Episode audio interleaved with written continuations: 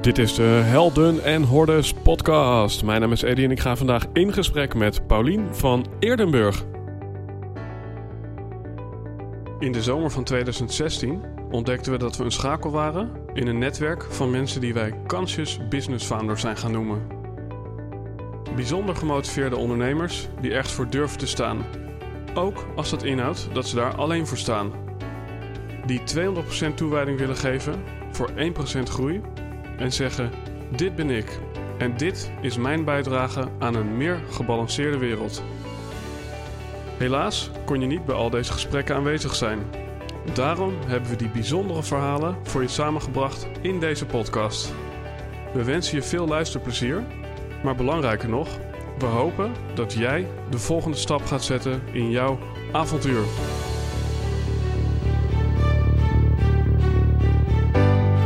Yes, beste luisteraar, wederom een dame aan tafel bij de Helden en Hordes podcast. Een ex-Haarlemse, waarmee ik vooraf aan de podcast een Haarlems hapje heb gegeten van Chickpea Falafel. Nou, onwijs leuke tent die ik in het bijzonder even wil noemen, omdat zij ons heel vaak al dan niet alle tijd voorzien van een heerlijk hapje voorafgaand aan de podcast. Dus ben je een Haarlemmer of kom je wel eens in Haarlem, ga er dan zeker een keertje eten. Nou, het leuke van Pauline is, ze heeft zichzelf ooit aangemeld voor de Haarlemse Creatieve Ondernemershub. En dat is een Facebookgroep die ik ooit ben gestart terwijl ik zelf in Engeland woonde. Omdat ik dacht, waar is nou dat feestje? Waar kan ik nou al die ondernemers tegenkomen online? Nou, zo startte ik de groep en zij voegde zich toe. En niet wetende dat zij, ja, zoveel jaar later de Dutch Girlboss zou worden. En een enorme community zou gaan bouwen voor allerlei leuke Nederlandse ondernemende vrouwen.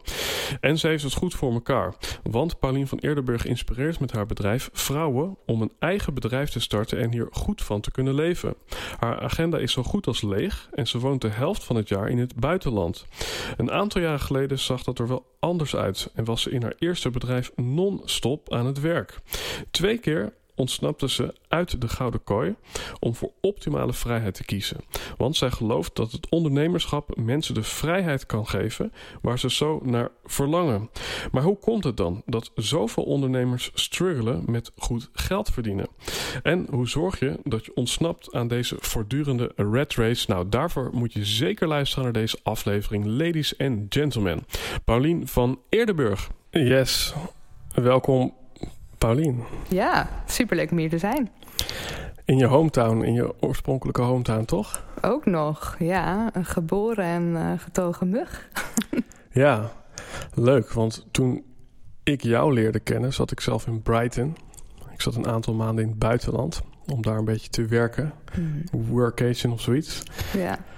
En jij zat toen uh, uh, in Nederland en meldde je aan voor mijn Facebookgroep. En ik wist natuurlijk toen helemaal niet wat voor potentie jij had en wat je allemaal nog ging betekenen voor ondernemend Nederland. En dat is misschien ook meteen dan de eerste vraag. in Nederland is flexwerken best wel in. Ik kom net uit Genève. Nou, dan is het al een halve stadswandeling om tot een plek te komen waar je ja, gewoon kan werken. Hotellobby's, uh, uh, nou, die snappen dat niet helemaal. Ja, in hoeverre ondersteunt Nederland uh, jou in succesvol ondernemen? Of is het juist niet makkelijker om ergens een internetbusiness te starten waar ze daar nog geen kaas van gegeten hebben? Ja, leuke vraag om mee af te trappen. En ik denk eigenlijk dat Nederland een perfect uh, ondernemersklimaat heeft. En we worden daar super in gestimuleerd. Er zijn allerlei subsidies om te beginnen. Mhm. als je een uitkering krijgt, dan, uh, ja, dan kan je daar vanuit ook voor jezelf gaan starten.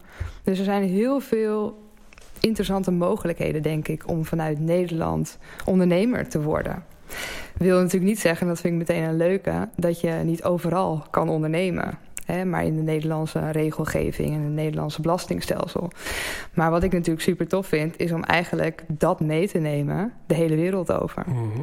En om eigenlijk dat fijne Nederlandse ondernemersklimaat, waarin we natuurlijk ook, ja, als je bent geboren hè, in Nederland, dan ben je daar ook mee grootgebracht, ben je daarin gewend. En nou, dan is het misschien ook weer een stapje lastiger om te starten in een ander land. Mhm. En dan denk ik, ja, ga het doen. Ga ermee starten. Um, maar vooral ook, je kan alle kanten daarmee op. Ja. En nog steeds. Ja, en heb je last van het klimaat, en dan niet letterlijk het klimaat, maar... Ja, hè, want dat- daar heb ik wel last van. Oké, oké, daar kunnen we het zo over hebben. Maar heb je er last van dat, eh, ja, er wordt wel eens gezegd, er zijn meer coaches dan coaches. En er Ja. zijn meer marketeers dan mensen die, eh, die doelgroep zijn. ja.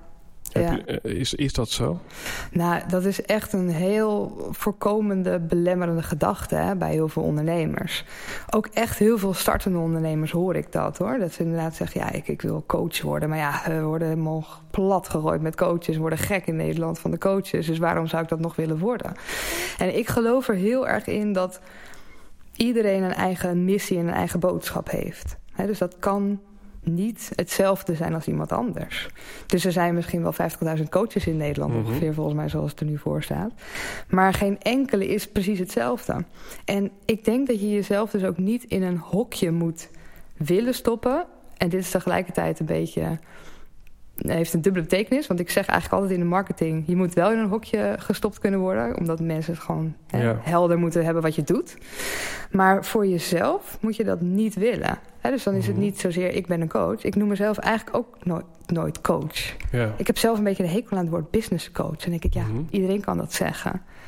Hè, dus Hoe noem jij jezelf dan? ja, ik vind dat echt een lastig. Ik zeg altijd happy founder van de Mhm. Dutch Girls Academy. En ik voel mezelf ook echt ondernemer. Ik ben niet een echte coach. Een coach-coach, zeg maar. Ja. Iemand die al, alleen maar hele diep, diepgaande vragen aan iemand Mhm. stelt, zeg ik dan altijd. Ik zie mezelf ook meer als, als adviseur, als consultant. En echt als ondernemer. Dus ehm, ja, als bouwer. Mhm. Maar ik denk terugkomend op je vraag is dat het gaat over hoe zie je jezelf? Wat, voor, wat heb je te vertellen? Hè? Wat voor Ja. missie heb je? Wat heb je uit te dragen? Wie, wie wil je in beweging zetten? En of je daar nou het label coach aan hangt, of Mhm. adviseur of consultant, het maakt niet uit. Ja, Doe waar je blij van wordt, maar doe het vooral. En ehm, zorg ervoor dat dat eruit komt, zeg maar. Dat die boodschap eruit komt. dus als ik je goed, goed begrijp, is je persoonlijke missie is waarschijnlijk anders dan die van een ander. Ja, Eh, maar op het moment dat ik jou vind op een Instagram, dan moet dat appelleren met een behoefte die ik heb. ja. Zeg ik het zo goed? Ja, en ik denk dat daar natuurlijk de onderscheiding ligt. Hè. Als je mij ziet op Instagram, als je mij gaat, gaat, gaat bekijken op Instagram en mijn teksten leest, dan is dat anders dan een andere coach. Hè, Mhm. Dan elke andere business coach. En daarin moet je wel je eigen geluid vinden. Hè. Dus ik denk dat dat iets is waar heel veel ondernemers mee struggelen. Mhm. Dat ze elkaar een beetje gaan napraten. Ja, Hè, en dan krijg je een beetje die, eh, ja, dat het allemaal op elkaar gaat lijken. ja, En ik denk als je steeds verder in het ondernemen bent... en ik heb daar zelf ook echt eh, mee geworsteld... met je eigen geluid daarin vinden. ja. En ehm dus ook iets waar we, waar we nog steeds mee bezig zijn. Mhm. Ehm, maar het is heel belangrijk om daar je eigen onderwerpen in te vinden. ja. Dus wij zijn bijvoorbeeld recent erachter gekomen... wij staan echt voor dat, ehm, die financiële onafhankelijke vrouw. Mhm. En dat is een heel ander uitgangspunt... dan een andere business coach zou kunnen hebben. ja. Ja, en dan zeg je wij. Ja, En dan kan ik me voorstellen dat de luisteraar denkt jij. ja. Ik en mijn in- team. ja, want, want in hoeverre is, is ja, die missie ook van jouw team? Ja. ja, heel erg. Wat we hebben gedaan is, we zijn een aantal jaar geleden begonnen met een aantal hele ambitieuze dames. Ehm, dat is wel een grappig verhaal trouwens. Ik vertel dat ook wel eens aan klanten. Dat ik in die tijd kon ik eh, nog niet zo goed een heel team betalen. Dus dat is altijd wel leuk. En mensen zeggen, eh, eh, zitten daar ook vaak mee hè, in het begin. Mhm. Van hoe, hoe bouw ik nou een team met mensen op? Zonder dat ik die echt, ehm, ja, zonder dat ik een heel groot budget daarvoor heb als je startende Mhm. ondernemer bent. En ik heb dat ook gedaan. Ik heb binnen een week een team gebouwd van vijf mensen die ik wel echt 0 euro betaalde. Dus ik had 0 euro budget en ik had binnen een week een team van vijf mensen. Tof. Ja, dat heb ik in het begin allemaal met, met een beetje barter deals gedaan. En ik heb ook altijd vanaf dag één gezegd, dus daarom kom ik een beetje op de vraag van... is het ook hun missie? Vanaf dag één heb ik gezegd, jongens, we werken samen voor deze missie.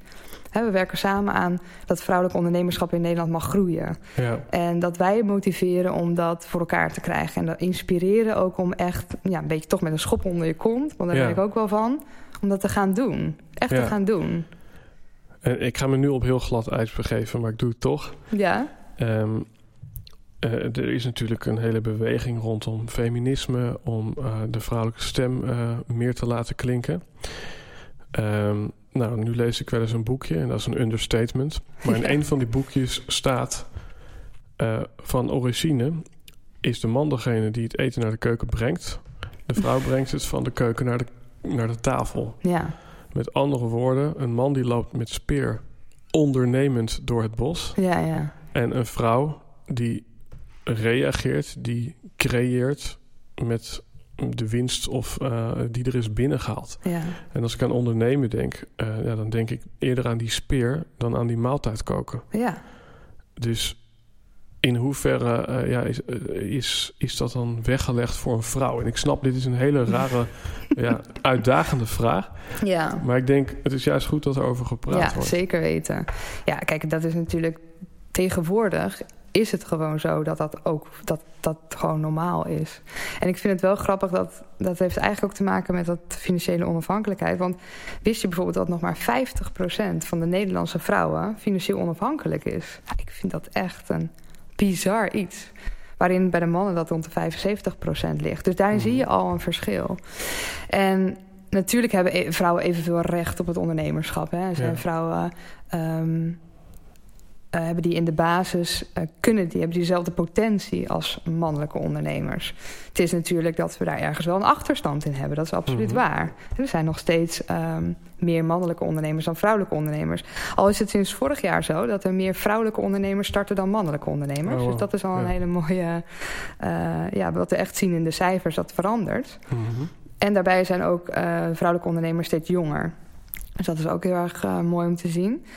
En ik denk daarin eigenlijk een, een paar dingen. Dat je, ehm, ik denk wel dat wij als vrouwelijke ondernemers ehm, bepaalde kwaliteiten, vaardigheden, dus meer ons best voor moeten doen. Daar ben ik wel van overtuigd. En dat zien we ook letterlijk bij onze klanten.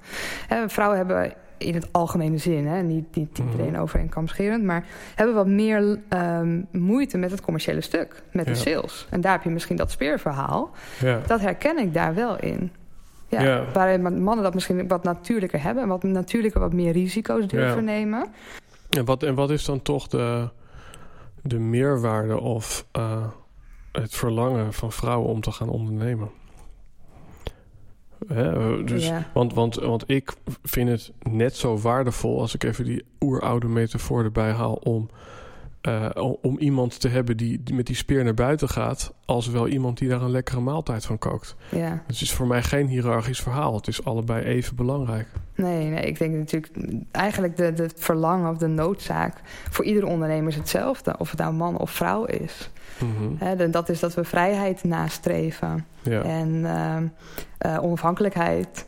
En dat is dat, ja, ik, het is wel grappig, want ik word natuurlijk vaker in dat eh, feministische hoekje geduwd.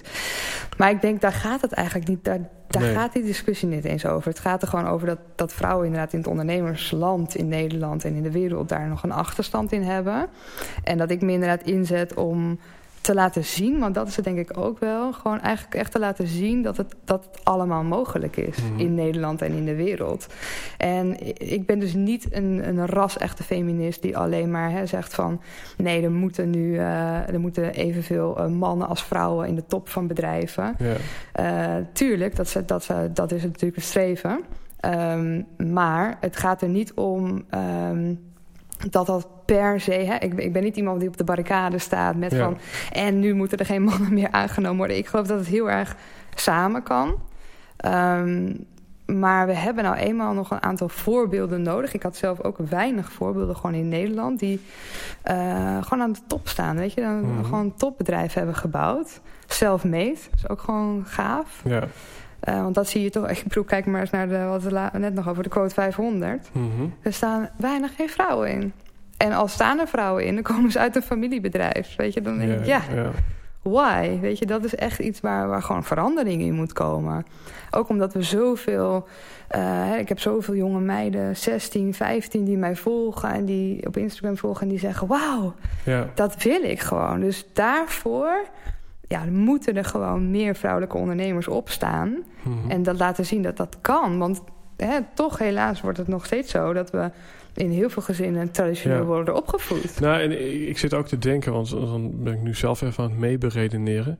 Maar als je het dan toch hebt over dat voorbeeld uit de oertijd, dan Ja. heb je eh, conditie en kracht nodig om Ja. met zo'n speer een dier te doden. Ja, Ehm, en ja, dan heb je vooral multitasken nodig om bijvoorbeeld daar een lekkere maaltijd van te maken. precies. Maar eh, beide waarden eh, of, of, of vermogens zijn eigenlijk nauwelijks nog nodig. Ja. Nou ja, of, of juist niet nodig in de huidige maatschappij. Ja, ja, Want, ja. want hoeveel spierkracht heb je nodig? Maar ook multitasken. Volgens mij ben je beter af als je als je, je Als je focust op één focust, ding. precies. Ja, nee, dat is zo. En dat is natuurlijk iets wat eh, ja, vanuit eh, die tijden is ontstaan. En ik denk, ik heb het bijvoorbeeld best wel vaak eh, met, met mijn oma over gehad. Die zegt, ja, Paulien, weet je, als ik nu had geleefd en ik zie de mogelijkheden die jij nu hebt, Mhm. ja, dan was ik ook hele andere dingen gaan doen. Ja, Dus het heeft echt te maken natuurlijk met die evolutie van ehm, dat we alles kunnen. Dat er Ja. zoveel kansen zijn. Dat het internet er is. En dat er, Ja. dat er zoveel mogelijkheden zijn. Waardoor ook echt jonge mensen zich afvragen van... niet alleen vrouwen, mannen, ehm, wat kan ik doen? Maar ook van, wat, waar, waar word ik echt gelukkig van? Wat wil ik doen? Mhm. Hoe ziet mijn leven eruit? ja. En dat wil helemaal niet meer zeggen dat we gewoon opgesloten worden op een kantoortje met 25 vakantiedagen. En daar onze he- hele leven lang maar eh, tevreden mee moeten zijn.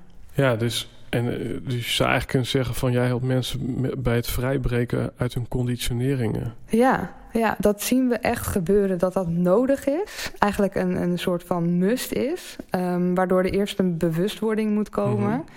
ehm, waarmee je aan de slag gaat in je Ja, ondernemersjourney.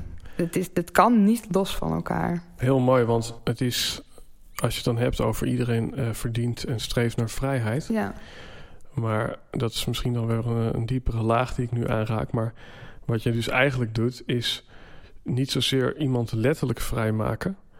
Maar je breekt iemand vrij van de conditionering of van de opvoeding waarin ze Ja. misschien hebben geleerd ja dat een vrouw eh, ja, minder rechten heeft of wat dan ook. absoluut.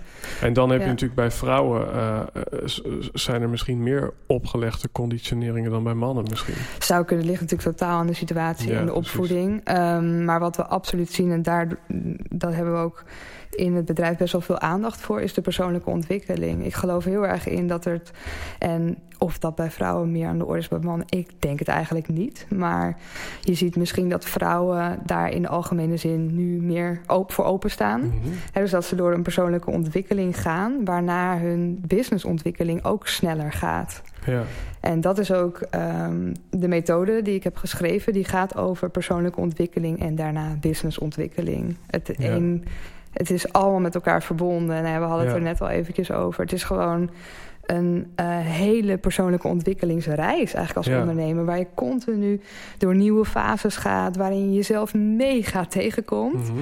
Waarin ik zie inderdaad dat vrouwelijke ondernemers heel erg veel moeite hebben. Ook met ehm, eh, geldkwesties, geld verdienen. Mhm. Dus het heeft allemaal met elkaar te maken, maar het is echt verweven. Ja. Dus wil je weer naar een volgend level komen in je bedrijf. Hè, ik zeg ook altijd, altijd, het- de oorzaak van dat een bedrijf niet wil groeien zit altijd in de ondernemer. Altijd. ja. Dus hè, dat, die oplossing is vrij makkelijk. ja. Maar dan is het natuurlijk nog daarna En de zoektocht. Precies, waar zit het hem dan in jou?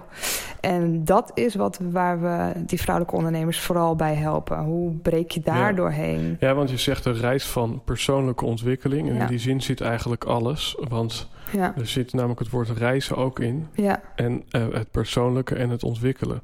En het persoonlijke, zo begonnen wij het gesprek. Ja. Weet je, je moet wel weten hoe jij anders bent dan de rest. ja, Het ontwikkelen, dat is eigenlijk waarin je zegt... ondernemerschap is op zichzelf persoonlijke ontwikkeling. ja, En dan heb je het stuk reizen.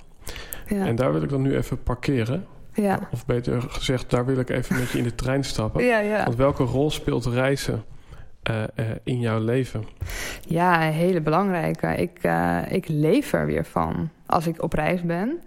Ehm, en ik heb gemerkt dat het voor mij een must is om ehm, ja, dichter bij mezelf te komen, om tot rust te komen. En om het avontuur gewoon aan te gaan. En dat is natuurlijk ook, ja, wat vind je belangrijk? Wat zijn je kernwaarden? Bij mij staat vrijheid ehm, en avontuurlijkheid heel erg bovenaan. Mhm. Dus ja, die twee vind je natuurlijk als je op reis gaat met je, met je backpack en Mhm. op je koffer. En, ehm, en je weet niet waar je uitkomt. Ja. Dat is eigenlijk het mooie, ja, vind ik. En wat, wat neem je mee naar huis van zo'n reis? Hè, even, ik, ik zal je heel even nog een aanvulling geven. Er zijn natuurlijk heel veel ondernemers die zeggen... je moet Seven Habits of Highly Effective People lezen. Ja, Dan moet je Profit First lezen en je moet dit en dat lezen. ja. Hè? In hoeverre haal jij je levenslessen en je Nou. ondernemerslessen uit het reizen? Ja, dat wilde ik dus net altijd levenslessen echt. Ehm, ja, wat, wat ik merk als ik bijvoorbeeld... Ik ben in eh, januari, februari heb ik eh, weer gereisd... en ik ga nu in december weer weg voor vijf maanden. Als ik in het buitenland ben, dan zie ik het helderder. Dan ehm, werk ik veel minder, maar veel efficiënter, veel effectiever. Dus ehm, als ik op, op reis ben of in het buitenland ben... werk ik eigenlijk maar zo'n max drie uur per dag. Twee, drie uur. En, en wat maakt het dat je efficiënter werkt als je in het buitenland zit? Ja, omdat je dus echt de, de belangrijkste dingen doet op een dag. Dus ik, ik ver- verklooi mijn tijd niet. Want, ehm, want de zon schijnt. En er ligt een prachtig wit strand voor mijn neus. En er zit een cocktail, op staat er op de beton achter of iets. Ehm, dus er zijn op dat moment... ehm, ja, voel ik me echt tot, een, tot de, de kern of tot de basis van... dit moet ik vandaag doen. Ja. Dit, is de, dit is de noodzaak en voor de rest geniet ik van mijn leven. Mhm. En ehm, ja, spendeer ik tijd met degene waarmee ik op reis ben. Of ontdek ik nieuwe dingen in, in de cultuur. In, Maar het is in- wel mooi, want eigenlijk wat je zegt is... na die drie uur, Ja, dan mag je een leven vol leven gaan leiden... of Ja. het leven van je dromen. En daarmee zeg je dus eigenlijk... het zou een quote in een magazine, kun- een magazine kunnen zijn... maar eh, hoe groter het verlangen... Hoe, hoe effectiever je handelt in je werk. ja. Ja, ik denk als het voor je neus ligt, dat paradijselijke strand... waar je dus eigenlijk gewoon op wil zitten. Ja, En ik, ik kijk daar dan letterlijk op uit. Want ik ga dan, Mhm. hè, ik doe eventjes mijn mail. Of ik heb, maar ik heb ook heel vaak gewoon op, via mijn WhatsApp, weet je wel, eh, met mijn team contact of zo. Als ik gewoon letterlijk op het strand lig. Mhm. Dus ehm, ik ga dan in zo'n strandtentje zitten, even in de schaduw natuurlijk. En dan knal ik eventjes echt in een paar uur het werk eruit wat moet. Mhm. Ja, en dan eh, zie ik het strand voor me. En dan denk ik, ja, ga- ik ga weer eventjes echt ja, leven. Inderdaad, Ja. gewoon genieten. En betekent niet dat als ik natuurlijk aan het werk ben... dat ik daar niet van geniet. Want ik doe het wat ik het allerleukste vind. Dus daarom voelt het ook voor mij niet als werk. Mhm. Maar tuurlijk moet ik mijn mail checken. En moet ik mijn betalingen doen. Ja. Moet ik mijn administratie. Hè. Ik heb bijna alles uitbesteed. Maar natuurlijk moet ik nog dingen doen. Mhm. Dus de noodzakelijkste dingen en de belangrijkste dingen doe ik dan. En dan, ehm, ja, dan kijk ik gewoon, dan geniet ik meer. Ik, ik ben me bewuster, ik ben meer in het nu. Ik doe bijvoorbeeld 's ochtends een yoga of een workout. Ik, ik heb meer tijd, lijkt het wel, voor, ehm, voor sporten. Ik ben nu dus Mhm. weer een tijdje in Nederland en sporten schiet erbij in. Weet je, dat je denkt van, hè, ik heb hier hetzelfde aantal uren. Maar op de een of andere manier raak ik hier in Nederland in een red race weer. Ja. En ja, dat zie je om je. Het gebeurt vooral, ik heb het eh, tot in het treurig geanalyseerd. Want dan kom ik terug vanuit Azië en denk ik, ik blijf in, die, in dat ritme. Maar het lukt gewoon niet, omdat iedereen om me heen in Nederland Mhm. in, een, in, in het Nederlandse ritme zit. Ja. En ik denk dat daar, ehm, ja, dat je echt wordt aangestoken met eh, de relaxed vibe, zeg maar, in, in Azië. Of wordt Mhm. aangestoken met de red race vibe in Nederland. Ja, is het niet gewoon een kwestie van nog meer mindset en mentaliteit om hier gewoon door te gaan met die rust? Het zou kunnen dat Ja. ik daar gewoon nog iets zelf Want, te doen ik, heb. ik geef je even de metafoor van eh, eh, tot rust komen met een meditatie-appje is prima, gaat Ja. prima. Maar op het moment dat er op eh, straat een eh, eh, kat wordt getrapt en geknuppeld, dan eh, lukt dat niet meer. Nee, Waarmee het dus eigenlijk alleen in die veilige omgeving lukt. Maar Ja. dan kan je je wel ook meteen afvragen, wat heb je er dan aan? Want je Ja. hebt het juist nodig als je die kat in elkaar geknuppeld ziet worden. ja, precies, precies. Dus je moet het eigenlijk kunnen doen. In... Ik denk dat het, ehm, dat het een combinatie is. Want het is altijd, natuurlijk heb je daar zelf ook stappen in te maken. En eh, nou, wat ik nu dus een beetje heb gedaan is... als ik in Nederland ben, dan plan ik ook bepaalde projecten... waardoor het oké is als ik een wat meer in een, in een, hè, een drukkere eh, ritme zit... Mhm. Als ik ook natuurlijk in Nederland ben, heb ik wat meer afspraken, fysieke afspraken, Ja. live afspraken. Dus dan loopt mijn agenda wat meer vol dan dat ik natuurlijk in het buitenland ben. Ehm, dus nu heb ik ook daarin een ritme gevonden van... oké, laat ik dan de maanden die ik hier ben ook gebruiken. Eigenlijk dat Nederlandse ritme gebruiken om te knallen. Mooi. En om dingen echt te kunnen doen. Hè. We zijn nu met een aantal hele toffe projecten bezig. En dat is ook, ik ben ook niet tegen knallen. Hè. Laat ik dat Mhm. voorop stellen. Want ik denk dat het een soort van periodes zijn. Ja.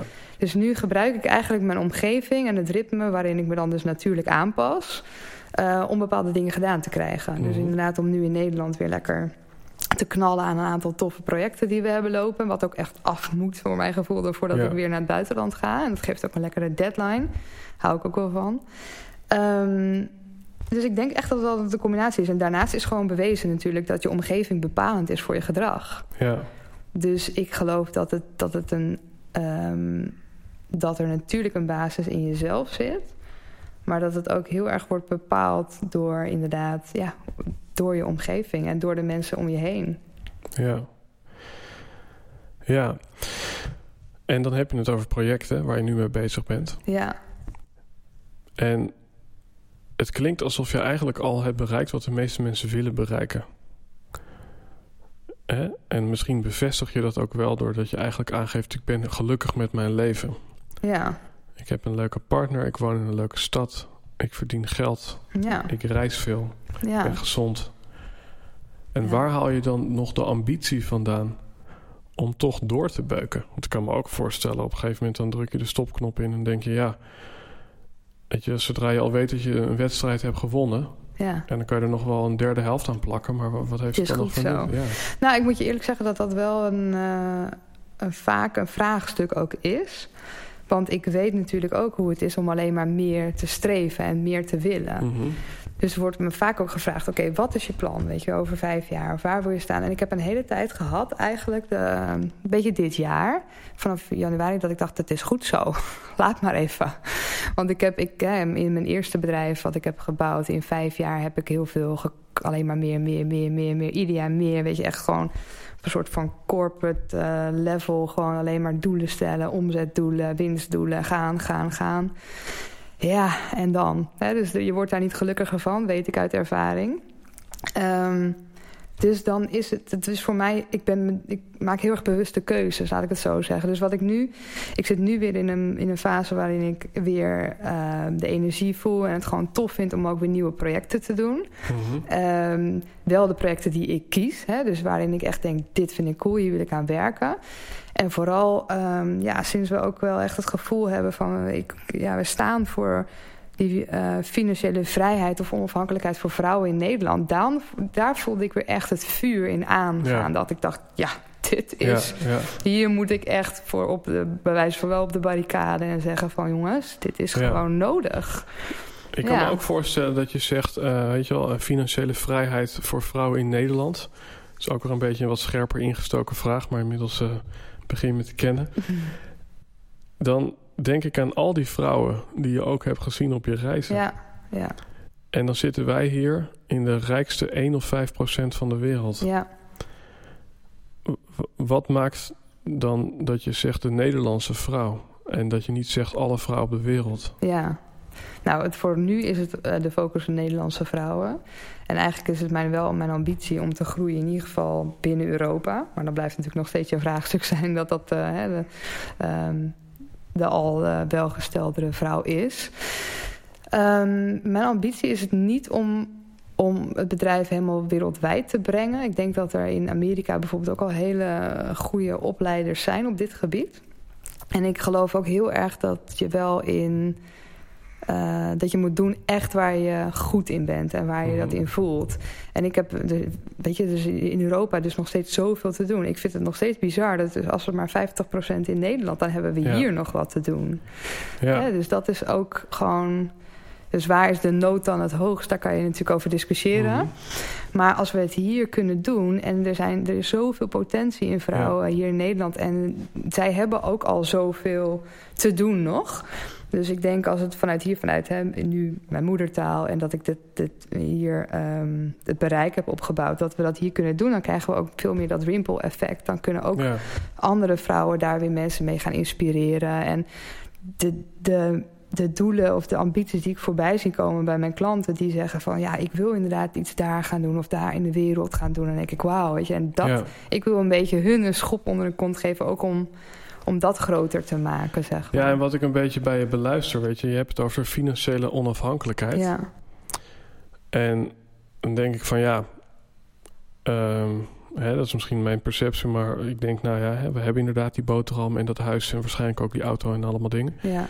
Maar wat er volgens mij onder ligt, en dan komen we weer terug bij het begin, dat is die conditioneringen Ja. die een vrouw weerhouden van doen wat ze eigenlijk willen doen. Ja. en het leven van de dromen die ze eigenlijk willen leven. Ja. En dan denk ik, dan Ja. zitten we misschien juist onderaan de ladder wereldwijd. Ja, absoluut. Want, ja. want ja, de, een vrouw die inderdaad lekker over het strand loopt met haar kind. Ja. Ik denk dat is, Precies. dat is volgens mij iets heel essentieels. Ja. Eh, waar een vrouw ook gelukkig van wordt. Ja. En, ja, Ja. Die wordt misschien minder gelukkig van eh, die red race die we hier eh, hebben. Nou ja, ik heb daar wel een heel mooi voorbeeld van. van eh, waar ik ook laatst, daar, krijg ik dus echt de tranen van in mijn ogen en kippenvel van. Er is een, een vrouw die bij ons komt en die werkt zich helemaal uit de naad. Die heeft een, een, schoonheidssalon aan huis. Ehm nou, is daar misschien al vijf jaar mee bezig. Hè, dus die heeft de ene klant na de andere klant. En die kan eigenlijk nog maar net de broek ophouden. En Die heeft niet echt een goed salaris uit dat bedrijf. eh, heeft ja, kosten en, en kan daar dus eigenlijk niet van leven. Mijn motto is ook, je moet kunnen leven van je bedrijf. Het lijkt me vrij nou ja, logisch. Mhm. Maar bij haar was dat echt... Ja, zij was daar zo mee aan het struggelen. En ik vraag altijd ook door naar ehm, de privé-situatie. Of we, we kijken altijd naar het totaalpakket. Hè? Dus we Mhm. beginnen eigenlijk met van... Hoe, word je, hoe wil je leven? Waar word je nou echt gelukkig van? Want dat staat op één. Dat Ja, is de rode ja. stip aan de horizon eigenlijk, zeg ik altijd. Want hè, dat heb ik dus ook mezelf met ehm, schade en schande, zeg maar, zelf ervaren dat dat het belangrijkste is. Want je kan wel zo'n heel succesvol business hebben gebouwd... maar als je vervolgens alleen maar aan het werk bent... dan waar gaat het over? Ja. Nou, het bleek dat die vrouw had drie kinderen... en die zag ze bijna niet. En geen tijd voor de kinderen. Kinderen allemaal jong, weet je. Allemaal eh, drie jaar, één jaar. En uh, die vrouw die zei alleen maar van... ja, Paulien, ik wil gewoon meer tijd met mijn kinderen. Ik wil op vakantie met mijn kinderen. Ik wil meer tijd met mijn kinderen. Dus dat betekent ook niet... en dat is denk ik ook een beetje het tegenovergestelde van alleen maar zeggen... die vrouwen moeten gewoon nu keihard een bedrijf bouwen... en die moeten alleen werken, werken, werken... want hè, dat is nu Ja. belangrijk. Nee, het gaat erover waar, weet je, waar wil je met wie wil je je tijd besteden... en hoe kan je dat ook voor elkaar krijgen. Hè, dus uiteindelijk hebben we ook... Zij stond op het punt om mega investeringen weer te doen Ja. in haar bedrijf en dingen. En toen hebben we haar naar een businessmodel geholpen Ja. een verdienmodel. Waardoor ze haar kinderen meer kon zien, meer geld kon verdienen. En uiteindelijk veel minder hard hoefde te werken. Ja. En ik denk dat daar, de meeste mensen hebben daar echt oogkleppen voor. Die zitten zo in die red race. Dat ze gewoon niet zien hoe ze eruit komen. Ja. Nou, en dat is ehm, blijkbaar mijn eh, kwaliteit. Dat ik gewoon in een helikopterview kan zien van waar ben je mee bezig? ja. Dit is je leven, denk ik dan. Hoe, hoe kan je dit nou doen? Het is ook een soort paradox, want er zijn dus eigenlijk twee dingen. Enerzijds die financiële onafhankelijkheid Ja, en anderzijds het ondernemerschap. Maar in dit voorbeeld is uiteindelijk ehm, ja, het ondernemerschap maakt je vrij om, precies. om met je gezin te zijn. Juist. En ja. het geld maakt je vrij om niet met geld bezig te Ja. moeten zijn. Ja, ja. En, en ja, dus eigenlijk zijn de resultaten misschien op een onbewust niveau eh, andersom waar je naar verlangt. Ja, precies. En ik zeg eigenlijk altijd: het, je bedrijf faciliteert jouw droomleven. Dat is waarom, want dat is waarom mensen willen ondernemen. Vrijheid. Ja, Maar vervolgens zitten ze vaak in een businessmodel of een verdienmodel... wat hun helemaal geen vrijheid geeft, maar juist weer in die red race stopt. ja, En dan heb je misschien ontslag genomen, net zoals ik ooit heb gedaan. Dus dan denk je, jee, ik ben ondernemer. Maar dan eigenlijk bouw je weer eenzelfde gouden kooi Mhm. voor jezelf... en stop je jezelf weer in dezelfde red race. ja, dus het, is, het belangrijkste is dat je bedenkt... ja, hoe, hoe wil ik leven inderdaad? En waar word ik gelukkig van? En moet ik dan 100.000 euro per jaar verdienen? Nee, dat hoeft, dat hoeft Mhm. niet eens. Als je dat niet wil, als je daar niet gelukkig van wordt... en je kan ehm, ehm, met een bepaald salaris... kan je je vrijheid eigenlijk kopen. ja. Hè, en daarvoor drie dagen in de week werken. Of twee dagen. Mhm. Ja, dat kan. Ik denk dat het, eh, dit een mooi moment is in het gesprek om eh, een stukje Pauline in de podcast te brengen. Ja. Want we hadden het net over eh, die moeder die haar kinderen niet zag. Ja. Uit wat voor gezin kom jij? In hoeverre speelt ja, je opvoeding een rol Ja. in het wel of niet ja, behalen van je droomleven? Ja. ja, ik denk heel belangrijk hoe je ook wordt wel of niet wordt gestimuleerd. Ehm, ik kom uit een gezin, eigenlijk geen ondernemersgezin. Dus mijn, alle twee mijn ouders eh, eh, werkten. Mijn vader bij de, bij de HEMA, dus een groot, eh, in een groot bedrijf, helemaal opgeklommen. En mijn moeder in het onderwijs. Dus eigenlijk wel een, ehm, ja, ik zou zeggen, een gemiddeld Nederlands gezin. Eh wij reisden heel veel, dus daar heb ik absoluut mijn reislust vandaan. Mijn ouders hebben me echt al sinds jongs af aan de hele wereld eh, over Mhm. meegenomen. Dus dat, eh, ja, daar heb ik zeker samen met mijn broer ook onze, onze reislustigheid vandaan gekregen. Ehm, en verder, ja, wel heel erg stimulerend en ehm, ja, ook, ook stabiel, denk ik, opgevoed en een gezin. Mhm. Het was wel altijd van, hè, eh, je moet gewoon je best doen. En ik heb zeker ook ehm, overtuigingen meegekregen waarvan ik later dacht... ja, weet je, wat is dat nou echt waar ik... We hebben bijvoorbeeld gooi geen eh, oude schoenen weg voordat je nieuwe hebt. Mhm. Nou, in het ondernemerschap is dat eigenlijk wel iets wat je wel eens moet doen. Hè? Want je hebt wel eens een bedrijf weggegooid. Nou, precies. En ook, ook wel eens een partner, geloof ik. Ook wel eens een partner. Nou, weggegooid is misschien wat onrespect voor. Maar ja, eh, ja, absoluut. Weet je, mijn eerste bedrijf we zijn we mee gestopt. Ehm, en dat was echt inderdaad je oude schoenen weggooien voordat er nieuwe En hoe zijn. heb je die overtuiging dan doorbroken? Ja, ik denk dat dat uiteindelijk komt doordat je steeds beter jezelf leert kennen. En doordat je eigenlijk op een gegeven moment ook beseft... ja, dat klinkt heel gek, maar je ouders doen ook maar wat. ja, dat is, Ja. ja. dat is wel zo. Ja, mooi. Iedereen doet maar wat. Hè? Of, of Dus- deed je precies het tegenovergestelde, expres? Nee, ik was niet zo'n tegendraadstype dat ik dacht van... ja, ik was vroeger wel lastige puber als ik dat nu bedenk. Maar, maar ik was niet van, oh, dan ga ik juist allemaal ja, uitbreken en dat Maar, allemaal maar er zit wel iets belangrijks in. Van je zegt dat een gezin is stabiel. En dat is misschien niet echt een waarde of een, of een opvoedmethodiek. Nee, maar het is meer een soort van gevoelsmatige onderlaag van Ja. een stabiliteit. juist. En ja. ik denk als er stabiliteit is, dan heb je misschien ook het vertrouwen dat als je iets anders kiest, dat Ja. je er ook wel komt. Ja, ja en, eh, en ook altijd, mijn ouders staan nu nog steeds voor 200% achter. Dus het was best wel eh, warm thuis. Mijn, mijn moeder was veel thuis ook. Hè? Ehm, en altijd 100% support, wat je Mhm. ook deed. En ik denk dat dat een belangrijke is in het, je ontwikkeling van je zelfvertrouwen. Ja. Dat je denkt van nou, eh, oké, ik mag wel fouten maken. Ja. Ik mag gewoon experimenteren. En, en dat merk ik nu ook in het ondernemerschap. Zijn dat natuurlijk hele belangrijke vaardigheden. En waar haal je die support vandaan? Misschien dat je het antwoord niet hebt hoor. Maar als je, als je zo, niet zo'n opvoeding hebt.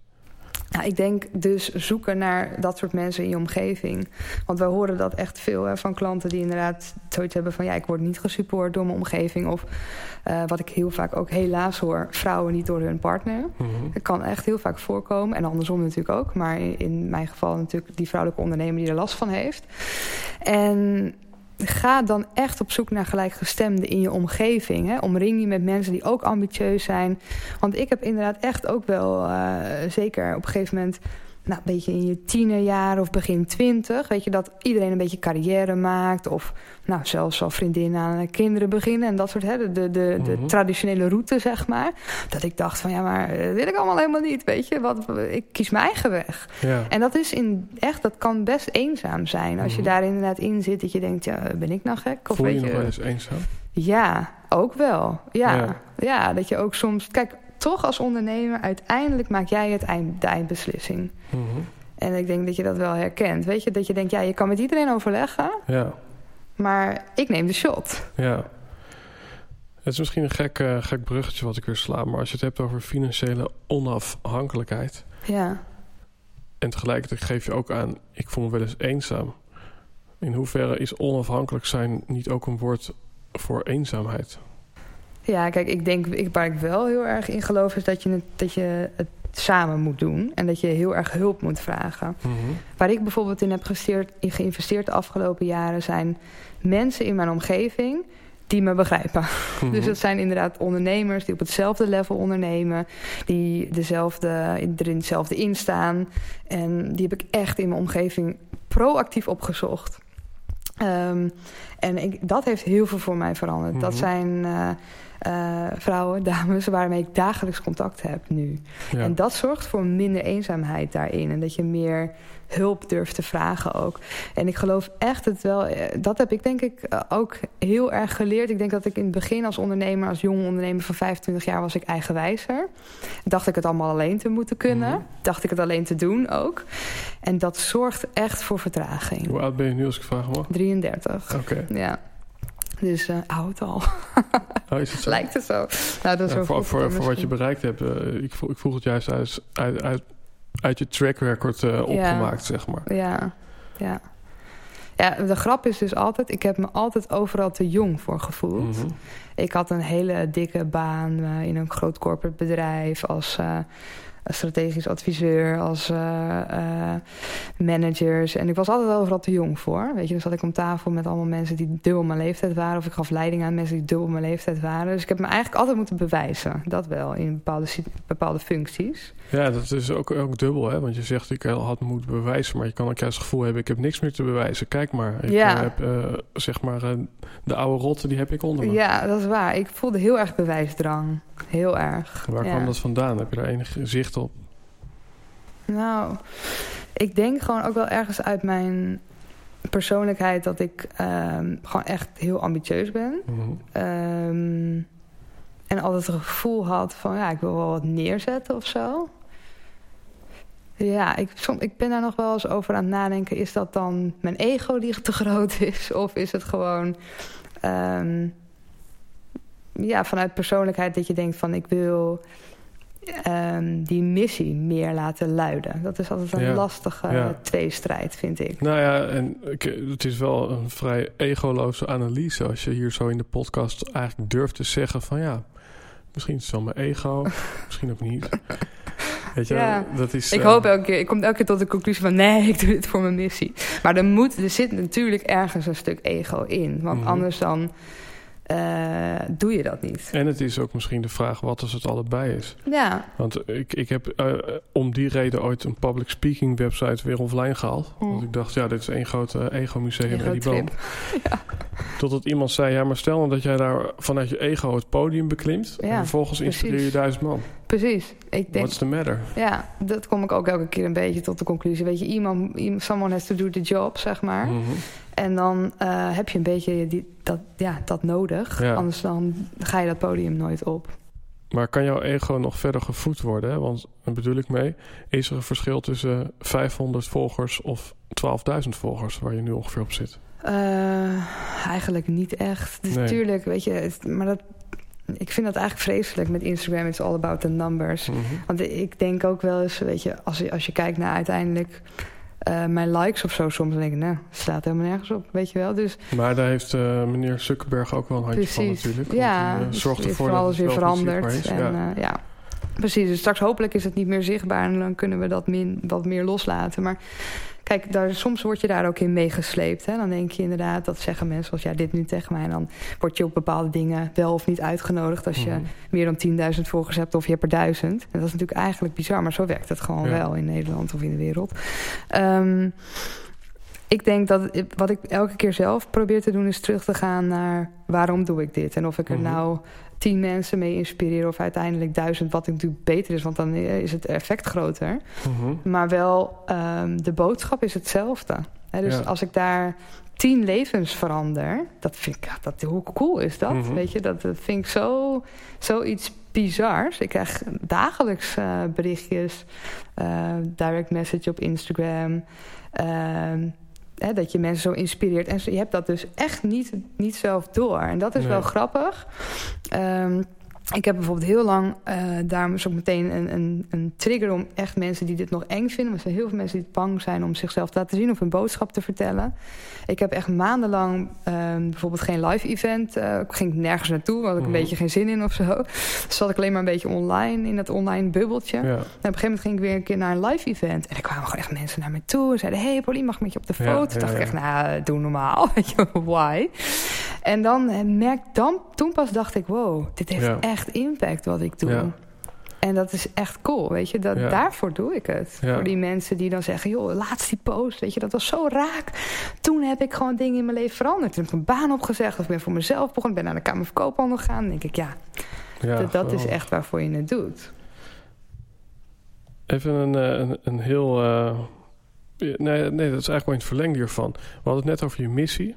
Ja. En nu heb ik wel eens hier met Noeska gezeten. Noeska Pak. Zij doet allemaal dingen met Byron Katie. Dus de work. En ik weet niet of je het kent. Ja, Byron Katie. Um, en die zegt, ik, ik, ik handel eigenlijk alleen maar op aanvraag. Ja. En daarmee zegt ze eigenlijk, het is bijna... Of nee, niet eens bijna. Ze zegt, als je van mij een Insta-post ziet... dan heeft iemand gevraagd, kun je me iets vertellen over dit of dat? Ja. En dan, en dan schrijf ik hem. Mooi, ja. En, en dan vraag ik me af... Uh, hè, jij zegt ook wel eens je doelgroep heeft uh, bepaalde verlangens of vragen. Ja. Um, en luister goed naar je doelgroep. Ja. En hoe verhoudt dat zich tot je missie? Want stel nou dat ze allemaal andere dingen van jou vragen dan, dan jouw eigen missie. Ja. Ga je dat dan doen? Nou, ik denk dat een, een missie is een, een combinatie hè, van een persoonlijke uh, interesse. Dus een, ook, ik geloof heel erg in een persoonlijke puzzel, noem ik dat altijd. En dat is een combinatie van je talenten, je kwaliteiten, je vaardigheden, je interesses. Wat je vanuit nature leuk vindt om te doen. Mm -hmm. hè, waar je mensen nog gratis mee zou helpen. Of wat je ja. zou doen. Um, en een persoonlijke missie moet daar natuurlijk wel mee raken. Ja. Want anders kom jij s ochtends op een gegeven moment je bed niet meer uit. Hè? Als je alleen maar vanuit je klantbehoefte denkt... dan, um, ja, dan, dan gaat het ook alleen maar... dan gaat het eigenlijk wat meer over alleen geld verdienen of zo. Want het is dan wel een behoefte Ja, ja, van iemand. Maar wat heeft het dan met jou persoonlijk te maken? Hè? Dus ik geloof heel erg in die verbinding... waarbij het op een gegeven moment je natuurlijk die klantbehoeften wel moet toetsen. Mhm. Dus ik denk dat het begint bij de ondernemer, bij die persoonlijke missie. En dat je daarna, eigenlijk direct daarna, komt de markt erbij. Mhm. Uh, en dan, ik zeg ook bijvoorbeeld altijd, je, je moet nooit zelf een product creëren. Een product creëer je met je markt. Dus er moet wel Oh, een ja. behoefte zijn. En uh, ik stel ook heel snel vragen. Dus vaak als ik een idee heb voor iets... dan plop ik het meteen op mijn Instagram. En eigenlijk soort van test ik dan alles eerst heel snel... voordat ik überhaupt iets verder ontwikkel. Terwijl, terwijl het vaak heel logisch lijkt, hè? We hebben iets in ons hoofd en we denken... uh, dit heeft de wereld nodig, absoluut, dit is te gek. Ja. Absoluut. Alle ondernemers die denken dat het product of het aanbod... wat ze zelf creëren, dat is geweldig. En dat is er nog niet. Ja. Nou, kan je vertellen, dat is er altijd al. Ja. Vaak zijn al drie andere ondernemers sowieso met hetzelfde bezig... op hetzelfde moment. Mhm. En je denkt zelf echt van, halleluja, dit is het. Dus ik heb ook uh, geleerd en... Um, uh, ook echt getest en, en aan lijf ondervonden... dat je eigenlijk dingen meteen moet, moet testen in je, in je doelgroep. En Ja. ja, bij ons is dat nu natuurlijk heel makkelijk... maar als je kleiner bent, kan dat ook heel makkelijk. Hè? Dus dat, dat al de following die je hebt... of een aantal mensen in je omgeving die je kent... wat tot jouw ideale klantgroep behoort... dat je die, ik zeg altijd, pak de telefoon op en bel zo iemand. Vraag Ja. hem het hemd van het lijf, weet je Ja. wel? Wat zijn je uitdagingen? Wat is, waar zit je mee? Waar loop je tegenaan? En, en ja, dan is er misschien één nuance dat de klant misschien soms zelf niet weet wat hij nodig heeft. Dan moet ik even aan Henry Ford denken. En de klant wou een paardenkoet. Ja, Maar wat hij nodig had was een auto. ja. Eh, En eh, hoe ga je daar dan mee om? Of is dat een... eh, Nou, het begint wel bij die klantbehoeften naar, naar boven te halen. Want uiteindelijk, als je, hè, als je die, die uitdaging, die pijn Ja. weet te raken... dat is natuurlijk in je marketingtekst ook wel handig. Want dan, hè, dan voelt iemand zich aangesproken. En uiteindelijk kan je een oplossing... Hè, dus uiteindelijk het, de droomoplossing voor jouw ideale klant... daar ligt natuurlijk ook nog wel jouw eigen mhm. intuïtie en denk van hé, hey, wij, wij zijn nu ook met, met iets bezig, inderdaad, een, een oplossing voor de klanten. Nou ja, waarvan ik denk, ja, dat hebben mensen nog niet echt gezegd. Ja. Dus, we, dus er zijn wel, maar op een gegeven moment kan je die puzzel wel zelf gaan leggen. Maar je moet wel in de basis beginnen met. Um, wat zijn behoeftes? Hè? Ik, ik heb zelf uh, dus heel veel in, in, of in zo'n groot corporate bedrijf gewerkt, heb ik customer experience gedaan. Dus ik weet natuurlijk niet anders dan alleen maar vanuit die klantbehoefte Ja. uh, denkende. En daarvoor nog. Um, mijn roots komt eigenlijk uit de hotellerie. Nou ja, als je ergens leert vanuit de gast staat centraal. Ja, ja. Hè, je moet vanuit je gasten denken. Het gaat alleen maar om, om mensen Ja. blij maken. Dan is dat eigenlijk die basishouding. En ik denk dat dat er ook voor heeft gezorgd dat ik altijd heel erg vanuit de klant um, probeer na te denken van wat, weet je, wat, wat wil diegene nou? Dus het gaat niet om eh, wat ik het beste product vind. Het gaat erom wat uiteindelijk die mensen de beste, voor de mensen de beste Ja. oplossing is. En is het dan ook nog leuk? Want ik kan me voorstellen dat je daarmee heel succesvol wordt. Ja. En ehm, ja, is het daarmee ook meteen gelukzalig? Omdat, omdat je heel veel mensen helpt, is het daardoor ook meteen gelukzalig? Of Nou, niet? ik denk dus dat het van, als het vanuit je persoonlijke missie echt komt... Dat als je die, Ja. dat die sweet spot hebt gevonden Ja, ja. eigenlijk... dat je daardoor dus elke keer je bed vooruit komt. Mhm, Dus natuurlijk heb ik dagen waarin ik denk... pff, geen zin meer. mhm. Of nou, eh, weet je, tegenslagen of dingen waarvan je denkt... Nou, eh, bah, weet je wel, waarom? Eh, Daar heb ik geen zin meer in. Dat heeft iedereen.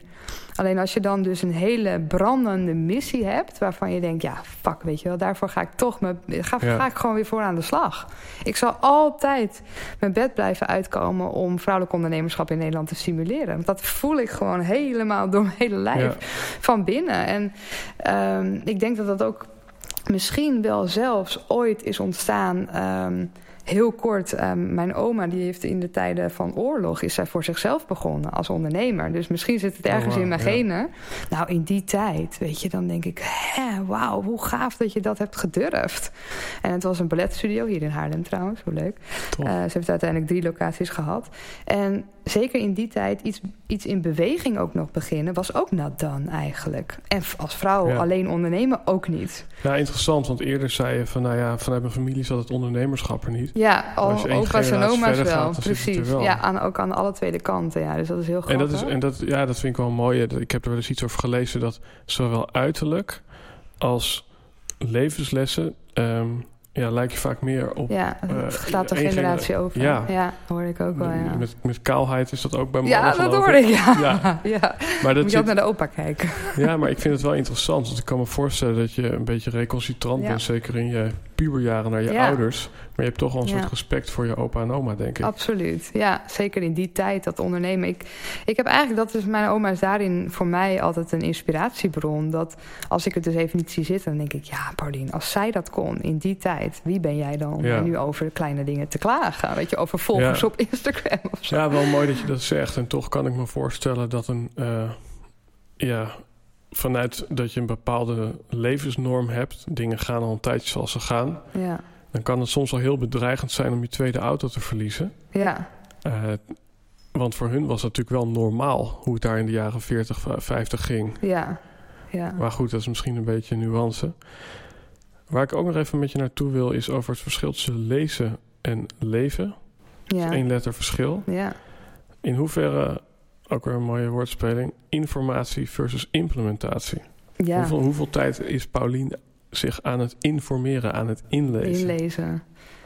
Nou, ik zal heel eerlijk met je zijn. Eigenlijk nu bijna niet meer. Mhm. En dat is een beetje. ehm, ehm, ik denk dat het te maken heeft met waar je staat op een gegeven moment als ondernemer en als mens. Ehm, ik had echt in het begin van die ondernemersjaren ontzettend veel drang om alles te leren en te Ja. lezen. En elk managementboek en businessboek heb ik verslonden. En ik had echt een, een, een niet stoppable, zeg maar, eh, consumeringsdrang Ja, daarop. En op een gegeven moment heb ik de switch gemaakt. Dat was natuurlijk de bekende uitspraak die Ilko de Boer ook altijd zegt. In plaats van eh, consumeren, creëren. En dat heb ik gewoon in één keer ongeveer gedaan. Dat ik dacht van, nou kap ik ermee. ja, En het is wel, ik ehm, lees wel dus de dingen wat ik echt opzoek. Dus over eh, vrouwelijke onafhankelijkheid, financiële onafhankelijkheid, dat soort onderzoeken lees ik. En dat soort onderzoeken zoek ik op. Maar ik ben daar heel erg, ehm, eh, ja, heel erg, kies, ik kies daar heel erg bewust in. Misschien wel te, denk ik nu Ja. soms. ja, Ja. ik heb daarin denk ik voor mezelf de oplossing gevonden. Ik, dus even reclame. Eh, Blinkist. Ja, die heb ik ook. Ja, ja want ik, ideaal. ja, Ja, ja, dat ik zat eerst te denken, zit de essentie er dan nog wel in? Ja, Even voor de luisteraar, dat is een samenvatting van een boek in 15 minuten die je kan top. lezen of luisteren. Mhm. Zit de essentie voor jou daar dan nog in? Ja, op zich wel. Ehm, ja, ik denk het eigenlijk wel. Ja. Het kost natuurlijk superveel tijd. Ik heb bijvoorbeeld een keer zo'n cursus gedaan over smart reading. En dan kan je een boek in twee uur Oh ja. lezen. Yes, dacht ik, nog meer boeken. maar eigenlijk de vraag die je stelde, daar, daar gaat het natuurlijk om. Het gaat over implementeren. En het Ja. gaat over iets doen. Want je hebt gewoon mensen die... En ik denk dat het dus periodes ook zijn... die blijven informatie tot zich nemen. Maar je hebt er niks aan als je het niet gaat toepassen. Mhm. En dat is natuurlijk ook wat wij zeggen tegen klanten. Van je moet gaan iets gaan doen. Hè? Mhm. Ga iets doen. Neem de kleine stapjes. Want dan zie je een verandering in je leven. Ja. En dan verandert er ook daadwerkelijk En welke iets. overtuiging zat er dan onder voor jou dat je toch een tijd lang wel al die boeken hebt gelezen? Nou, ik denk toch dat je ehm, altijd meer wil weten. Dus altijd het gevoel dat je te weinig weet. En ik denk dat dat dus een beetje meer de, de journey is eh, naar de binnenkant, zeg maar. Dat je op een Mhm. gegeven moment gewoon dat toch meer zelfvertrouwen krijgt. Ja. Maar zelfvertrouwen krijg je ook door te doen. Ja. Je moet je voorstellen, als je, ik zeg altijd, een klant bijvoorbeeld die wil eh, coach worden of een opleiding starten en die wil voor het Mooi, eerst met ja. iemand aan de slag gaan. Nou, ik kan daar ontzettend lang over lezen, blijven lezen. Maar totdat jij één keer iemand hebt geholpen en je ziet ook het resultaat van jouw klant. Ik heb dat ook in het begin gehad. In het begin denk je, Mhm. ja, ik denk wel dat ik het goed doe, maar ja, ik hoop maar dat het ook werkt, weet je wel. Mhm. En de methode die ik heb geschreven, denk ik, werkte voor mij. En werkte voor een paar mensen in mijn omgeving. Maar nu nog op grotere Ja. schaal, weet je. En dat moet je eerst ondervinden. Dus Ja. in die eerste periode is het nou eenmaal onzeker. Ja. Totdat je die resultaten gaat zien van je klanten. In mijn geval dat ze omzet verdriedubbelen. Eh inderdaad, eh, eh, loonbaan, Ja. loondienstbaan opzeggen. Voor zichzelf beginnen. zelf kunnen, ja. Nee, En het- dat geeft Een soort zelfvertrouwen. woordspeling die in me opkomt, want dat is een beetje mijn ikigai, om het zo maar te zeggen. Ja. Maar weet je wel, als je meer eigenwaarde wil, dan moet je je waarde meer eigen maken. Ja, ja, En- is zo. Ja, en, en, ja, en vooral... mooi. Nou ja, ik, ik denk dat dat haal ik nu echt direct uit deze podcast. Dat de overtuiging is inderdaad vaak ehm, perfectionisme, denk ik. Ja. Dat je denkt, ik, ik moet nog meer weten. Ja, Maar wat je hier eigenlijk eh, aangeeft, is dat het zelfvertrouwen eh, komt door te doen en niet door te denken. precies. Ja. Ja. Doordat je gaat, nou ja, je gaat ervaren van... hé, hey, dit doet mijn ehm, overdracht van... dus wat ik doe, een product aanbieden of een dienst... dit doet dat met iemand. Ik zie het resultaat en daar krijg je zelfvertrouwen van. Ja, en dat is interessant, want er is natuurlijk ook nog wel een verschil tussen jezelf informeren en jezelf inspireren. Ja, En ik kan me voorstellen dat je ook een boek kan lezen omdat het je inspireert. Omdat Ja. je eventjes... Maar dan kan je misschien beter eh, eh, naar Vietnam gaan, omdat je daar misschien meer inspiratie uit had. ik denk het wel. Ja, en wat ik heel erg zie is ook met heel veel eh, ondernemers... is dat ze juist gedemotiveerd raken door inspiratie op te doen. Bijvoorbeeld Ja. op Instagram. Ik zeg altijd, ontvolg al je concurrentie... of alle mensen waarvan je denkt, wauw, weet je... Ja, Dat is wat ik ook wil. Want op een gegeven moment ga je dan of inderdaad kopiëren... omdat het al zo in je onbewustzijn zit gedrongen... dat je. Ook hetzelfde gaat zeggen. En ik vind echt dat je je authenticiteit verliest. ja, Hè, want ik heb het zelf ook gemerkt. Als ik allemaal mensen... Ik volg nu volgens mij maar 40 mensen of zo. Mensen die ik ook echt ken. ja, En ehm, als ik al die andere mensen bleef volgen... dacht ik elke dag, dacht ik... oh, zij zijn al verder dan ik. Dus dan voel je je elke dag een Ja. soort van falen. ja. Terwijl, is helemaal niet zo. Iedereen zit op zijn eigen niveau. En het is elke keer van... eh, ja, weet je, oh, zij doen dat. Misschien moet ik dat ook doen. Dus Ja. je verliest continu je focus. Je bent Ja. continu met, met anderen Dat is bezig. eigenlijk hetzelfde als wat je zegt op reis. Kan ik drie uur Ja. effectief werken en thuis niet. Ja, Maar je kan ook zeggen eh, dat op reis gaan eh, in een metafoor hetzelfde is als alles ontvolgen. Want dan Ja. kom je tot het essentialisme. ja, en je komt tot je eigen intuïtie eigenlijk. Ja. En je eigen boodschap. Ja, En dat is authentiek en wat je wilt uitdragen. ja want wat, wat ik ook zelf zeg is dat je eigen boodschap... eh, kijk, het punt is, jij eh, weet al wat je zelf weet. Ja, Eh, als jij iets nieuws leert wat je nog niet wist... dan schreeuw je dat vaak van de daken, want dat is dan voor jou nieuw. precies. Maar ja. voor jouw klant is alles wat jij gisteren wist ook al nieuw. Juist, ja, Ja. ja. En eigenlijk alweer tien stappen terug. En dat Ja. is super lastig. Ja, ja want hoe, hoe hou je daar dan een beetje de, de swoon in, zeg maar? Want ik kan me voorstellen dat je dan op een gegeven moment dingen gaat ranten op Instagram... waarvan je denkt, maar dit is voor mij echt ja, een soort zo Logisch. way back when. Ja, ja. Nou, ik, ik spar daar dus ook met iemand over. Dus ik schrijf eh, mijn Instagram teksten niet alleen maar meer zo eh, ehm, met wat ik nu bedenk. Ehm, dus we hebben het daar echt over. Van we duiken echt die klant weer in. We blijven continu connectie maken Mhm. met die ideale klant. En waar zit die mee? Dus het zijn nu, hè, de dagelijkse posts zijn niet waar ik bijvoorbeeld alleen maar mee zit. Dus we proberen Mhm. daar echt heel erg in in te leven. Van wat zijn dan dingen waar zij mee zitten? En wat spreekt aan? Ja. Dus ja, dan kan je zeggen dat daar strategisch of strategisch over na wordt gedacht. Maar daardoor spreekt het wel de juiste doelgroep aan. Ja. En Ja, tussendoor... en, en wat er waarschijnlijk ook gebeurt, want ik, ik denk dan ook aan het echte leven. Stel nou, eh, ik heb een probleem ja, en ik vraag jou om een advies. Ja, Dan zal je waarschijnlijk iets uit je eigen leven pakken ja, om mij daar eh, ja, een soort van te spiegelen. ja, bij te helpen. En, en dan is het automatisch ook authentiek. Ja, Ja, ja. Ja, ja, en tussendoor inderdaad komen er allerlei dingen van waar ik nu mee bezig ben. En dat vinden mensen ook superleuk om daar ja. toch weer... Hè, want je groeit ook wel met je doelgroep mee. Of je doelgroep groeit met jou mee. Het is maar net hoe je het wil zien. Ik geloof daar wel in dat het... ehm, we zien nu steeds meer ook gevorderde ondernemers... waar in het begin meer starters waren. Mhm. Dus dat is wel grappig. Je ziet daarin ook wel een groei. ja dus dat- wat is de overtreffende trap van Bos? Ja, En wat is de overtreffende trap van Woman, eh, van Girl is Woman? Dus dan wordt het misschien eh, Precies. Woman King meer of wat zo. de Woman, eh, woman Inc. of eh, Female Inc. Nee, eh, een bijvoorbeeld zit hem in de, de thema's waar we mee bezig zijn. Hè. Ik ben op dit moment bezig met thema's als vastgoed, beleggen. Ja, En daar deel ik dan wel eens wat over. En dat vinden mensen rete interessant. Dan zeggen ze, Mhm. ja, daar willen we meer over weten. Dus ja, misschien ooit een opleiding over. ja, en eh, dat is natuurlijk ook gewoon authentiek. Want je hebt, als ik het goed heb begrepen, een eh, break-up gehad. En ja, moest toen je huis verkopen. En dat zeker. is, ja. ja, ja. Dus, Dus, in dat die zijn- zin is het leven zelf ook gewoon genoeg voeding om, om te delen en te informeren. Absoluut, ja. En dat doe ik natuurlijk ook. eh, ik laat ook die kwetsbare kant zien. Hè, dat er inderdaad eh, eh, veel dingen zijn gebeurd in mijn leven. En Ja, hey, ja, tuurlijk, wij dagen vrouwen uit om hun droomleven te creëren. ja, Het zou heel raar zijn als ik dat natuurlijk zelf niet doe. en ook als ik niet laat zien hoe ik dat doe.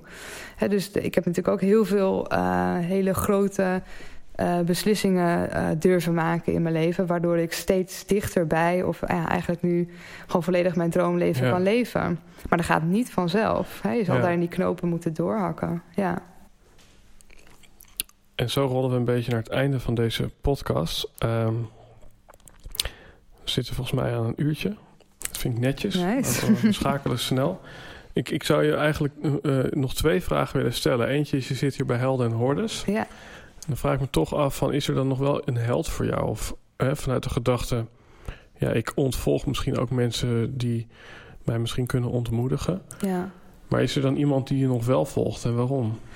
Ja, goede vraag. Ehm, ik denk sowieso, dus als ik één held mag noemen, is dat dan denk ik wel het voorbeeld van mijn oma, die de inspiratiebron Oh, wow, ja. van mij is. En ik vind eigenlijk alle vrouwelijke self-made ondernemers helden. Ook de vrouwen die natuurlijk erin zijn gerold, Mhm. maar self-made heeft gewoon voor mij, ehm, ja, inspireert mij iets meer. Ehm, en ik vind eigenlijk, en dat is natuurlijk een beetje cliché antwoord, maar ik vind eigenlijk al die vrouwen, die is bijvoorbeeld onze klanten, maar ook die vrouwen die, die struggelen in het begin met dat ondernemerschap, maar toch hun nek durven uit te steken. Mhm. En met dichtgeknepen billen, want zo is het gewoon Mhm. die eerste tijd, denken van nou, ik ga maar wat doen. Ik heb geen idee wat, maar Ja. ik voel ergens een brandend verlangentje dat ik dit wil en durf. Ja, en dat is ook een stukje omdenken. Want als je het puur hebt over lef of commitment of daadkracht... Ja, dan is het verschil van, van, nul, van, van niets naar iets... is natuurlijk een veel grotere transitie dan absoluut. van goed naar geweldig. Dat is het. En ik- weet je, ik vind het nu. Tuurlijk zijn wij ook weer met uitdagende dingen bezig. Maar ik denk die eerste paar jaar, dat was pas eng. Weet je Ja. wel, dat was, daar was dat pas de kritische dingen en het doorzetten. Ja. Want hè, niet voor niets is één, eh, ehm, vijf- meer dan 50% van de bedrijven bestaan niet binnen, binnen vijf Mhm. jaar. Dus daarin zit het meest cruciale moment. Dus ik vind die starters, ja, die vind ik gewoon gaaf, weet je wel. En dat verdient eigenlijk... eh, ja, dat zijn de helden van Nederland. Want ja, laten we wel eerlijk zijn. Eh, ondernemerschap is ook wel echt de motor van de economie. Dus Mhm. dat zijn echt de, de, de dames die een applaus eh, Ja, moeten krijgen. mooi. En normaal zou ik je vragen, als er een billboard langs de weg stond... en je zou een boodschap eh, eh, sturen naar iedereen die daar loopt te tuffen in die file... Maar ik wil het omdraaien, ook vanuit een boek. Als je het dan wel over een boek hebt, Essentialism... wat ik echt een heel mooi boek vond... over eh, ja, eh, min, minder doen en essentiëler leven. Ja. Een negatief reisadvies. Dus waarvan zeg je, deze afslag zou ik echt nooit nemen? Omdat soms ook Mooi. gewoon een, ja, hoe- het volume van dingen die je niet doet, Ja. brengt je uiteindelijk naar waar je moet zijn. Ja, en bedoel je dan een soort van trigger? Want ik denk nu aan een trigger bijna, dus wel een soort van tekst of een soort van iets waarvan je denkt, Ja, dat, een negatief advies, don't go there. ja nou, ik vraag me inderdaad af of er echt een soort van Delfts blauwe tegeltjes zijn met doe dit niet. Ja, precies. Dus dat lijkt me wel lastig inderdaad. Ja. Maar misschien ja, gewoon een, een, een, een advies, misschien een levensles die je zelf hebt geleerd die je anderen niet gunt. Ja, nou, wat ik denk waar het mee begint is... ehm, ik weet niet of je helemaal dat bedoelt... maar wat ik eh, altijd zelf heb ervaren... is dat je het altijd voelt. Dus je voelt ergens een... ehm, een ja, hoe noem je het? Een soort van mismatch of een soort van... ehm, irritatie. Of weet je, iets waarvan je denkt, klopt niet, klopt niet. Ja. En ik heb dat in eh, de grote levenskeuzes die ik heb gemaakt... eh, heb ik dat gevoeld. Ieder, ik ben er overtuigd, iedereen voelt dat. Ja. Of geef je le- leven maar zijn cijfer, weet je wel? Ja. Als je dat op bepaalde gebieden doet... dan weet je dus dan ook een soort van bewustwording. Dus ik ben ook heel erg van die confrontatie. Gewoon Ja. eigenlijk echt die spiegel voorhouden. Doe ik ook altijd in de webinars die ik geef. Gewoon keihard die spiegel voorhouden. Dus kijk jezelf eens goed in die spiegel. En wees nou eens echt eerlijk tegenover jezelf. Mhm. En denk dan eens, weet je, als mijn leven zo vijf jaar doorgaat... of tien jaar, word ik daar dan blij van? Ja of nee? ja. En als het antwoord nee is, en zo simpel is het... weet je, want het lijkt vaak heel ingewikkeld... maar het is het eigenlijk niet. Want we weten het allemaal, alleen we durven niet. Want oh jee, hoe eng is het om een relatie te verbreken? Nou, ik weet het heel eng. Hè, want als je een oké relatie hebt... hoe bizar eigenlijk eng is het om dat op te geven... omdat je streeft naar een geweldige relatie... of een droomrelatie. Mhm. Nou, dat is vrij spannend. Of hoe eng is het als je wel oké bent met je loondienstbaan... en je oké verdient en je een lekkere leaseauto hebt... om dat allemaal weg te gooien, terwijl je nog niet weet wat er voor terugkomt. ja. Maar als jij voelt en weet en je kijkt jezelf echt in die spiegel aan... en je denkt, ja, kut, weet je wel, dit is eigenlijk... is het gewoon niet, er klopt iets niet. Of als dit vijf jaar, tien jaar doorgaat... nee, dan ben ik niet de, de beste versie van mezelf... of voel ik me niet het aller, allergelukkigste. Dan moet je iets gaan doen. En dan is er werk aan de winkel. En dan is dat op de korte termijn, laten we gewoon heel Hollands en plat zeggen, kut. Mhm. maar dan is het op de langere termijn iets waar je absoluut heel veel gelukkiger van wordt. Moeilijke denk dat dat het maken het is. leven makkelijk. Ja, ja, en uiteindelijk is de knoop doorhakken ja, niet moeilijk. Alleen het voelt heel moeilijk. Het letterlijk, de Ja, actie is ja. niet moeilijk. Want het is vaak een gesprek aangaan Ja. met iemand. Of is iemand ook mo- mooi opbellen. wat je zegt, hè? Want je zegt eigenlijk volg je gevoel. Maar Ja. zou ik eraan willen toevoegen, ook als dat moeilijk voelt. Ja, ja, precies. Ja. Ja. en de actie is dus niet moeilijk. Ja. Alleen het gevoel en, en die stemmetjes in ons hoofd... en al die dingen wat we bedenken, wel niet, wel niet. Ja, en al, al het analyse van... ja, maar wat nou als ik dit doe, als ik mijn relatie opzeg... en wat Mhm. nou als ik niemand vind en ik ben 32? En, hè? Dat zijn allemaal stemmetjes die allemaal komen bij allemaal mensen. Of wat nou als ik mijn loondienstbaan opzeg en dat bedrijf... dat gaat niet zoals ik wil. Wat Mhm. nou als, wat nou als, wat nou als. Maar een goede vriendin van mij zegt altijd... wat nou als het ook anders kan? En al wat Ja. nou als het wel hè, kan? En ehm, ja, ik denk dat iedereen voelt dat van binnen. En de, eh, de meest gelukkige mensen... die durven daarnaar te luisteren. En daarnaar te handelen. Amen. Amen. Ehm, ja, daar, eh, daar zijn we dan. Dit was eh, de aflevering voor vandaag. Ja. In de show notes eh, zullen de mensen alles over Pauline Dutch Grubbles kunnen vinden. Is er nu één plek in het bijzonder waar je mensen naartoe wilt leiden? Ehm, nou, neem een kijkje op de website of op mijn Instagram. Dus dan Dutch Grubbles. Ja. Tof. Als je wilt Thanks. meepraten, dan kan dat dus eh, via haar Insta-page. Ehm, als je over ons iets wil zeggen of over dit gesprek, kan dat ook via YouTube comments, Instagram comments, whatever you like. Eh rest mij nog te zeggen, omdat ik het bijna vergeten Ja, ben. We ik- hebben net heerlijk Ik, gegeten ik dacht dat Ja. ik had hem ook nog in mijn hoofd. bij Was echt Chickpea lekker. eh, Falafel. Ja, en leuk dat je mij ook uitnodigde eerst even om te komen eten. Vond ik leuk, ja. Ja, liefde gaat door de maag. Het was een heel, heel liefdevol gesprek over ondernemerschap. Zeker. Dus um, Dank daarvoor nogmaals dankjewel. En voor de luisteraar tot de volgende aflevering. Thanks.